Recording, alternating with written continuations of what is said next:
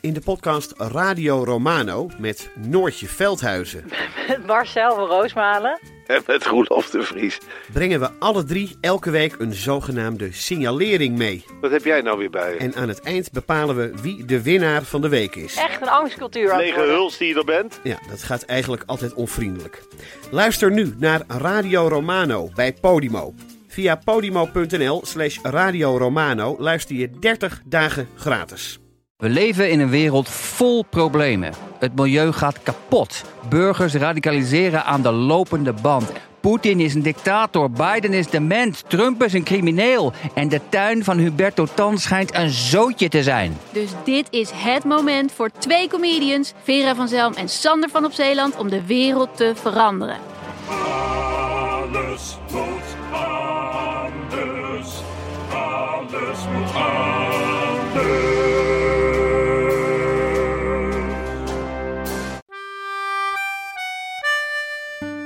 Dit is Man met de microfoon. En aan het begin van de maand had ik een avondje in de kleine komedie. En hier heb ik wat verhalen van die avond. Ja, ik, ik zeg ook altijd, ik, eh, ik, ik zou liever eh, bij- wat dan ook ergens op de achtergrond. Hè. Ik, onderwijl dat ik rij, want hij zat ernaast, ik was natuurlijk de chauffeur. Ik haal zo'n uit mijn broekzakje, stiekem, aan mijn linkerkant, zodat hij het niet kan zien, een briefje. En daar staan zo vier onderwerpen op. En, en hij is weg en ik denk, wel, goh, wat, wat heb ik nou toch gedaan? Ik als jong eh, onderwijzeresje, wat heb ik nou gesuggereerd? Ja, en het is ook kerst. Dus eh, ik zing ook nog even twee korte nummers tussendoor. Een kerstnummer en een nummer uit de American Golden Songbook of zoiets. Maar ik weet niet eens of dat zo is. Nou ja, je zingt in ieder geval twee nummers, toch? Ja, hé hey Chris, jij bent er ook. Ja, natuurlijk ben ik er ook bij. Oh ja, zou je dan misschien even die eh, belletjes eh, kunnen stoppen? Dankjewel. Eh nou, graag gedaan. Chris, ik zou zeggen, begin maar. Jan, Hey Jan, met Chris. het is, het is een probleem met die telefoonverbinding. Ik hoor je nu heel goed. Ja, Ja, dit is Jan Timmermans. En jullie weten misschien, ik heb met mijn project Een Grote Bruine Envelop een aflevering gemaakt naar aanleiding van een ansichtkaart. En aldoende kwam ik terecht bij Jacques Madou in Asteheusden. En Jacques eh, had net een rariteitenkabinet bijna af. Dat hebben we feestelijk geopend en dat staat voor zijn galerie in Asteheusden. Een kleine kast met daarin zo af en toe een rariteit. En nu staat er in die kast een fles met daarin appelsteeltjes. Helemaal vol. En die fles is ook van rij naar rij door de kleine komedie heen gegaan. Ehm, en ik heb laten horen dat ik Jan heb gebeld over de appelsteeltjes. En daarna spraken we ook nog over iets anders. Maar mijn eerste vraag was natuurlijk: hoe is dit allemaal begonnen met die fles? ik, ik ben ergens eh, op, eh, ja, in militaire dienst in de bar een fles tegengekomen waarschijnlijk. Er werd er allemaal weggegooid. En die fles die heb ik in mijn kast gezet. En bij de eerste appel heb ik het zeeltje afgehaald en in die fles gegooid. En daar ben ik eh, ja, eh, 48 jaar mee eh, doorgegaan. Dus iedere, iedere appel die ik at, haal ik het steeltje af, steek ik in mijn broekzak en bij gelegenheid eh, ja, doe ik het weer in die fles. 48 jaar, Jan. En ehm, hoeveel appels at je, denk je, per week, per maand? een stuk of drie. Minimaal in de week. Ja, ik zit even te rekenen. Ehm, op mijn computer, 58. Het zijn bijna 7500 steeltjes. Ja, Die zitten allemaal in die fles. ja alleen die fles die zit dus eigenlijk ja, continu standaard vol. Maar omdat er steeltjes, eh, steeltjes bij komen, moet ik, moet ik een keer met die fles schudden. En, en dan krijg ik weer net iets genoeg ruimte om weer, weer enkele weken vooruit te kunnen. Maar je hebt dus eigenlijk in 48 jaar, hoe noem je het zelf, een verzameling? Nou, kijk, die, dat, dat woord verzameling, dat wil ik, dat wil ik zelf niet eh, dan gebruiken. Ik zeg altijd, ik, ik, ik gooi ze niet weg. Ik heb ze nooit weggegooid. En ik heb ze bewaard. Ja. En wat bewaar je dan nog meer? Ja, dat, dat zijn eh, die, eh, van, die, van bokje, hè, die, eh, die vogel. Daar heb ik eh, zeven jaar in één zoekgebied gezocht naar, naar ruiveren. Kijk, iedere vogel die verliest zijn veren. Hè? Dus najaar en voorjaar komen er weer nieuwe. En daar zijn maar kleine veertjes. Nou, daar heb ik... ik zit toevallig ervoor. Misschien wel eh 1, 2, 3, 4, 5, 6, 7, 8, 9... Een stuk of 10 mappen. Compleet vol. Dus op data. eh, aantal. eh, ja, noem maar op. Alles zitten die mooi langs elkaar. Ja, ja eh, ik heb net even, Jan, opgezocht op internet, want ik ken het bokje helemaal niet, maar ik heb hem nu gevonden. Het is een soort, ja, het is de kleinste snip. Ja. En bij verstoring vertrouwt hij volledig op zijn camouflage, Ja. waardoor je hem meestal pas ziet als je er bijna op staat. Ja. En waarom het bokje, Jan? Voel je je ook nog verbonden met het bokje? Dat is, een- dat is een goede vraag. Die gedragseigenschappen, ja, eigenschappen, nou, daar herken ik me dan in. Want? Wat zijn Kijk, dat? Nou, eh, eh, ja, die vogel die, die, die wil eh, niet gezien, die wil niet gehoord worden. Hij komt van, eh, van Noord-Zweden, Rusland, komt hij eh, in het donker, komt hij hier. Hij blijft, als het licht is, blijft hij de, de, de hele dag gewoon op, op zijn plek. Hij loopt al rond, Ja, ja, maar, hij waarom- doet verder niks. en maar wat herken je dan in het bokje van jezelf? Eh, ja, kijk, ik zeg ook altijd, ik, ik, ik zou liever eh, bij, wat dan ook ergens op de achtergrond, hè. Kijk, ik wil, eh, ja, dat, dat, heeft ook een, een, een, een geschiedenis. Kijk, ik heb een, toen, ik, toen ik jong was, had ik een enorm spraakgebrek. En dan, dan, wilde, dan wilde het niet opvallen. Hè? Kijk, als ik vroeger op school, mijn, als het schooljaar begon, moest ik mijn eh, voornaam zeggen. Nou, dat kon ik dus echt niet. Dat ging niet. En dat is nou, ja, later, dan, dan, dan is, dat, is dat wel beter geworden. Maar dat zal wel de oorzaak zijn dat je, dat je eigenlijk liever... eh, kijk, eh, ik heb, toen ik, toen ik jong was, heb ik, eh, heb ik overwogen, zeg maar, om te stoppen met praten. Echt waar? Ja, dat was, dat was gewoon een ramp. Was gewoon een ramp. Ik, ik, ik, ik, heb, ik heb spraaklessen gehad, ik sprak veel, veel te snel. Ja, dat, dat he- dat heb ik nog, waarschijnlijk. Maar nou valt me daar niet meer zo op. Kijk, eh, of een telefoon aan, aannemen, ik, ik durfde dat echt niet hoor. Kijk, maar dan moest ik, eh, dan moest ik praten. En, en dat ging niet. Dus eigenlijk herken je in het teruggetrokken, Ja. schuchtere bokje jezelf. Ja. Wauw. Ja, ja, ja is dan, dat begint dan eh, ja, eh, min of meer onbewust. Maar achteraf is het misschien toch iets waar je dan ja, die herkenning ja, in, in die vogel terugvindt. Hè? Waarom heeft hij zo'n eh, zo'n aantrekkingskracht op mij gehad? Waarschijnlijk om, om die reden.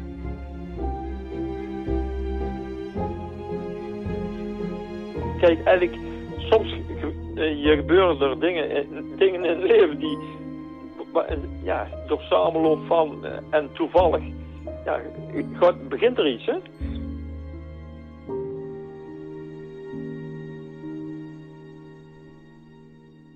Oké, Chris, ben je klaar? Ja, daar gaan we.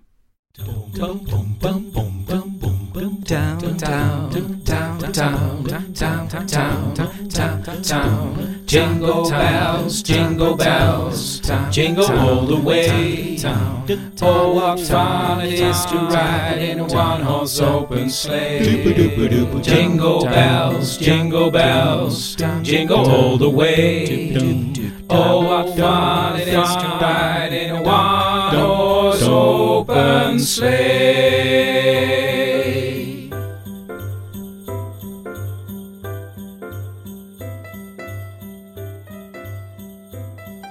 Ja, ik ga er maar overheen praten, toch, Chris? Ja, doe maar. Oké.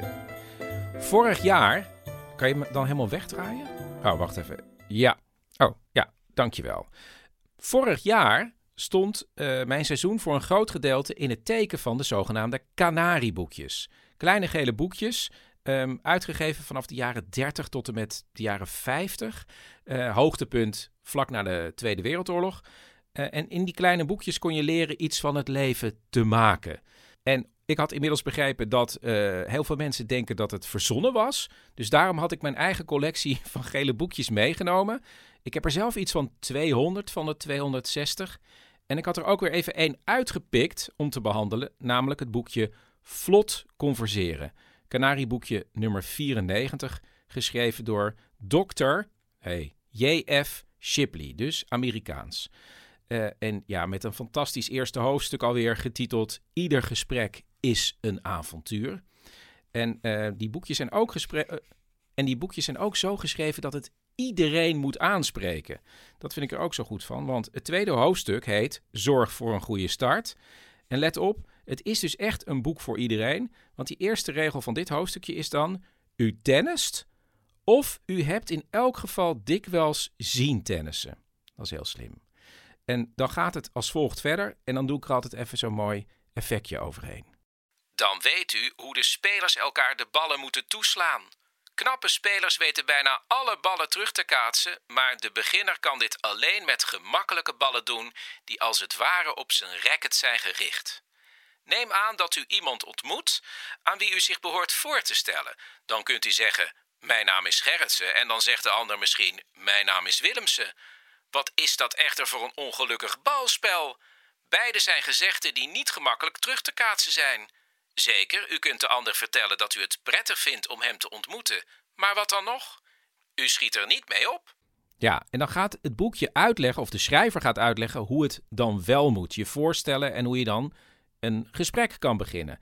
En dan vind ik vooral het voorbeeld heel sterk, omdat daarmee ook ja, een soort vergezicht wordt gepresenteerd van wauw, ik kan bij deze mensen gaan horen als ik dit boekje goed tot me neem. We gaan verder.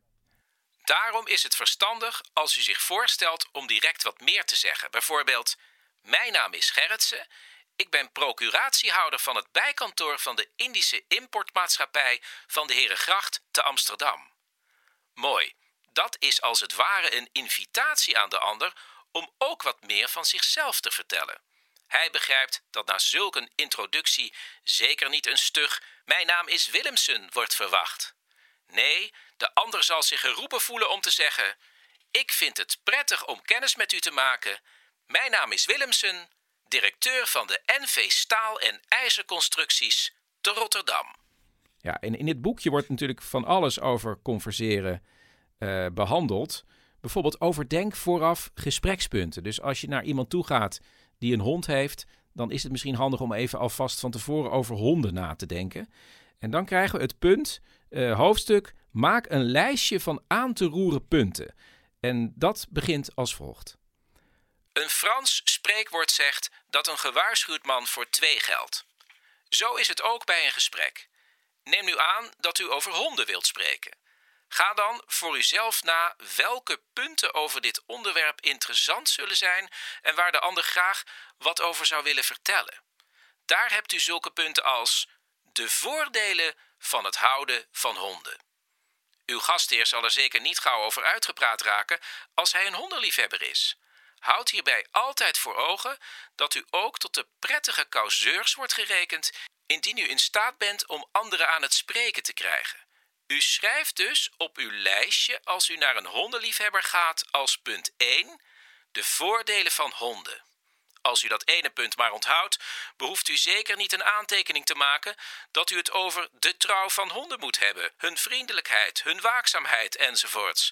Dat rolt heus wel vanzelf in het gesprek en het is meer dan voldoende als op het lijstje alleen staat de voordelen van honden. En toen ik uh, de avond in de kleine komedie aan het voorbereiden was met dit boekje Vlot Converseren, toen moest ik meteen denken bij dit hoofdstuk maak een lijstje van aan te roeren punten aan een verhaal wat ik net gehoord had. Dat is het verhaal van Mark en Leopold. Dat krijg je nu te horen en je hoort allereerst Mark. Ik werkte bij theatergroep De Zaak. Dat was een theatergroep van, uh, van verschillende mensen die net van toneelschool kwamen. En ik was uh, ik was uh, technicus. En, op een avond zaten we ergens in uh, Diever. Het was best wel in het begin. En um, toen moest ik de volgende dag, was afgesproken dat ik samen met Leopold Witte zou terugrijden. Een van de acteurs. Dus ik kneep hem een beetje, want ik kende Leopold wel een beetje, maar niet heel erg. Maar goed, wij zaten in Dieverja en toen moest ik. Toen moesten we terug naar Amsterdam en ik reed met hem mee. En het was een lange rit van 2,5 uur of zo, waar ik best wel tegen opzag van wat moet ik nou met die gast? 2,5 uur in de bus, man. Ik dacht, ik moet met Leopold uh, bijna twee uur lang in, alleen in een auto. Doodeng vond ik dat. Ik haat stiltes.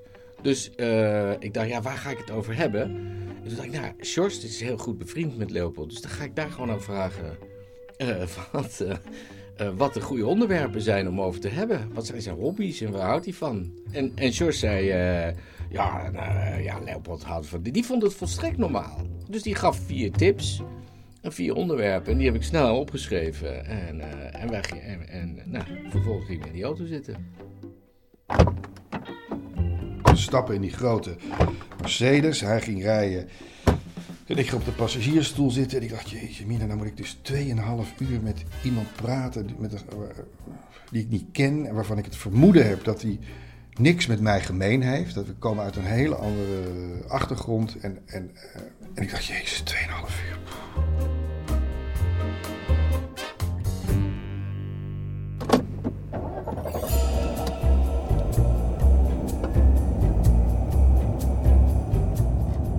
Onderwijl dat ik rij, want hij zat ernaast, ik was natuurlijk de chauffeur. Ik haal zo'n uit mijn broekzakje, stiekem, aan mijn linkerkant, zodat hij het niet kan zien, een briefje. En daar staan zo vier onderwerpen op. En hij begint een, een praatje. En ik dacht, dat is ook toevallig. Ik, ik, uh, dat is precies mijn interesse. Hoe kan dat nou? En ik begin te praten en, en van het ene gespreksonderwerp in het andere. En ik denk, nou, dat is toevallig. We hebben gewoon, ik dacht dat we niks gemeen hebben, maar we hebben alles gemeen met elkaar. We kunnen gewoon, en we kwamen in Amsterdam aan. En, en ik denk, nou ja, zeg, wat, dit is te gek voor woorden. Dit, we hebben, ik heb gewoon iemand getroffen met wie ik heel veel deel. En met wie ik nog, ik zag op tegen die 2,5 uur. En ik denk, nou, ik kan er nog wel 2,5 uur aan vastbreien. We kunnen gewoon doorrijden nu. Want we kunnen het heel goed met elkaar vinden. En later hoorde ik dat hij tegen George had gezegd... Jeetje jongen, ik heb zo'n leuke rit gehad. Ik heb zo, het was zo gezellig. Nou, dat gevoel had ik ook. Alleen, ik speelde een klein beetje vals natuurlijk. Ik had dat briefje. En uh, nou, we, raakten echt best goed bevriend enzovoort. En ja, het, op een gegeven moment dacht ik, ja, ik ga het niet meer vertellen. Want het is, het lullig. En George ook niet. Dus zei van, nou, we houden het uh, voor ons. En zo hebben we dat best een jaartje of negen of zo hebben we dat volgehouden. Dat kwam eruit, maar, dat was niet de bedoeling. Dat waren wat grapjes zo heen en weer. En George was erbij en die zei: Ja, nou ja, dankzij mij uh, zijn jullie goede vrienden. Want uh, als ik die onderwerpen niet mee had gegeven, was het nooit wat geworden, natuurlijk. Ik voelde me ontzettend genaaid toen. Ja, fucking hell. Ik ben, ik ben gewoon door mijn andere vrienden die kennen mij zo goed. Zeg van als je, als je die punten met hem bespreekt, dan heeft hij een toprit. En dat was zo. Ik zag een lichte teleurstelling en toen dacht ik, ach ja, laat maar. En toen reconstrueerde ik in mijn hoofd wel van, ja maar wacht eventjes. Het is dus allemaal gemanipuleerd. Je hoeft, je hoeft maar op een paar knopjes te drukken bij mij. En uh, als je die punten met hem bespreekt, dan heeft hij een toprit. En dat was zo. En dat vond ik helemaal niet leuk. dat vond ik helemaal niet leuk. Ja, ik, ben ik nou zo doorzichtig? En later dacht ik over, ja, ik heb waarschijnlijk helemaal niet met hem gepraat. Hij heeft, gewoon, hij heeft gewoon een vraag gesteld. En ik maar babbelen over wat ik leuk vond. Dus het was waarschijnlijk helemaal geen gesprek. het was gewoon 2,5 uur waarschijnlijk een monoloog van mezelf. En ik hoorde mezelf. En ik dacht, god, leuk. Het is gewoon pure ijdelheid. Ik heb gewoon naar mezelf zitten luisteren. Mark en Leopold zijn nog steeds hele goede vrienden van elkaar.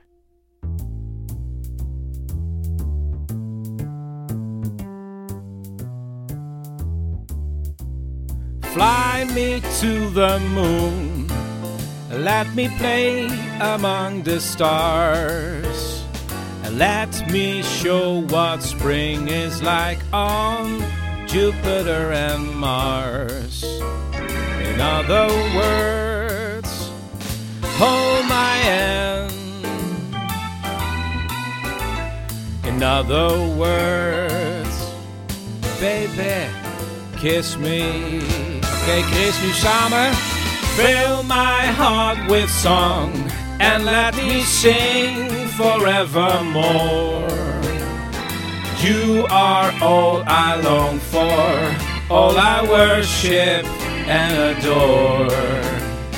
In other words, please be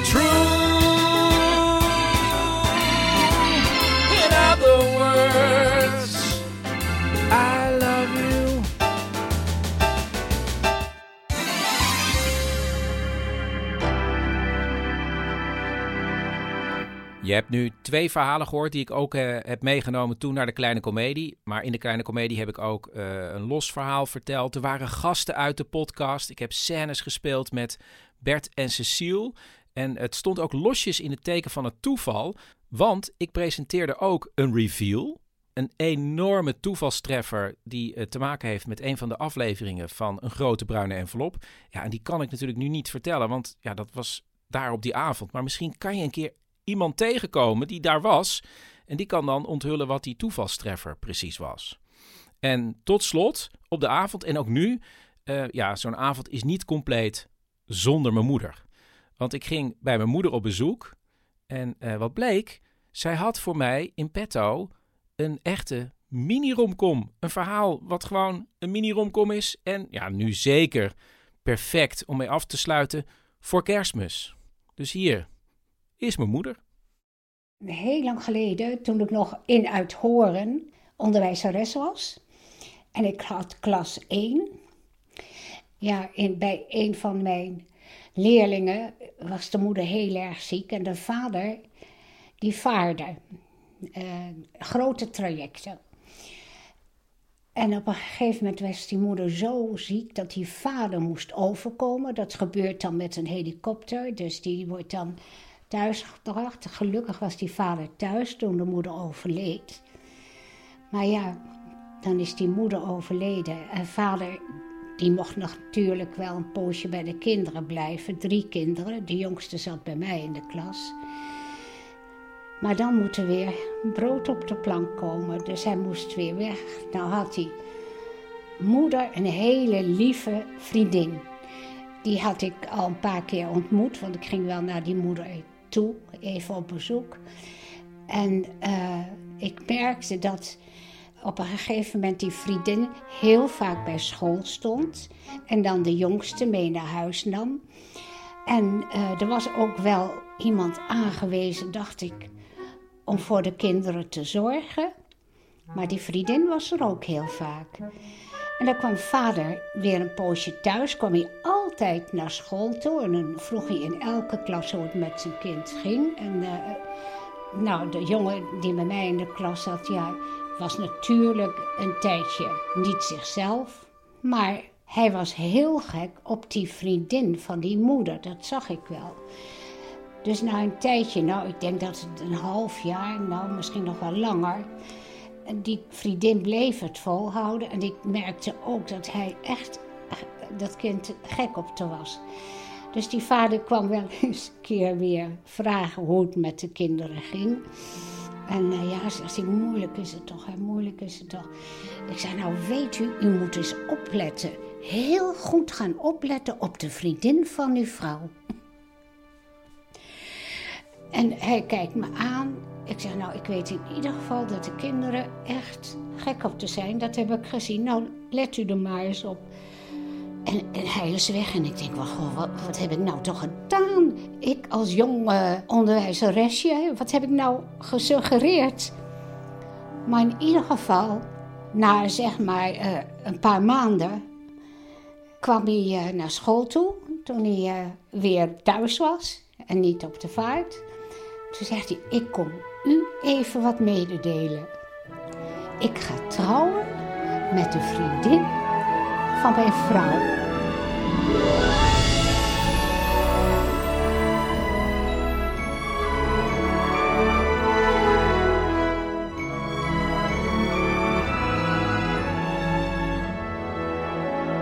En met een dikke knipoog naar mij toe. Ik denk, oh, maar ik was zo blij. Want en dat, ik denk dat het een heel goed huwelijk ook is geworden. Maar het is wel, waar bemoei je je mee? Vond je, vind je dat zelf ook niet? Waar bemoei je je mee? Maar ik zag het. En eigenlijk moet je dan ook eerlijk zijn. Hè? Als je iets ziet, mag je wel een suggestie geven. Hè? En tot zover speciaal voor kerst de kleine komedie-compilatie. En uh, dan is dit ook waarschijnlijk ja, de laatste aflevering van dit seizoen. Uh, deze, dit kalenderjaar, hoe je het ook mag zeggen. Um, en dan ga ik zoals altijd even in de winterstop. Dan ga ik weer nadenken over hoe ik het ga aanpakken in het komende seizoen. Ik heb daar wel ideeën over, maar dat duurt even. Je blijft gewoon geabonneerd. Je, uh, ik kom vanzelf terug. We hebben nu nog wat tijd over. Wat kan ik dan zeggen? Ja, petjeaf.com. Uh, deel het op de, uh, de socials. En ik zit ook op Instagram. Uh, kan je ook volgen, man met de microfoon. Ik zou zeggen, wacht even, maar ik kom terug.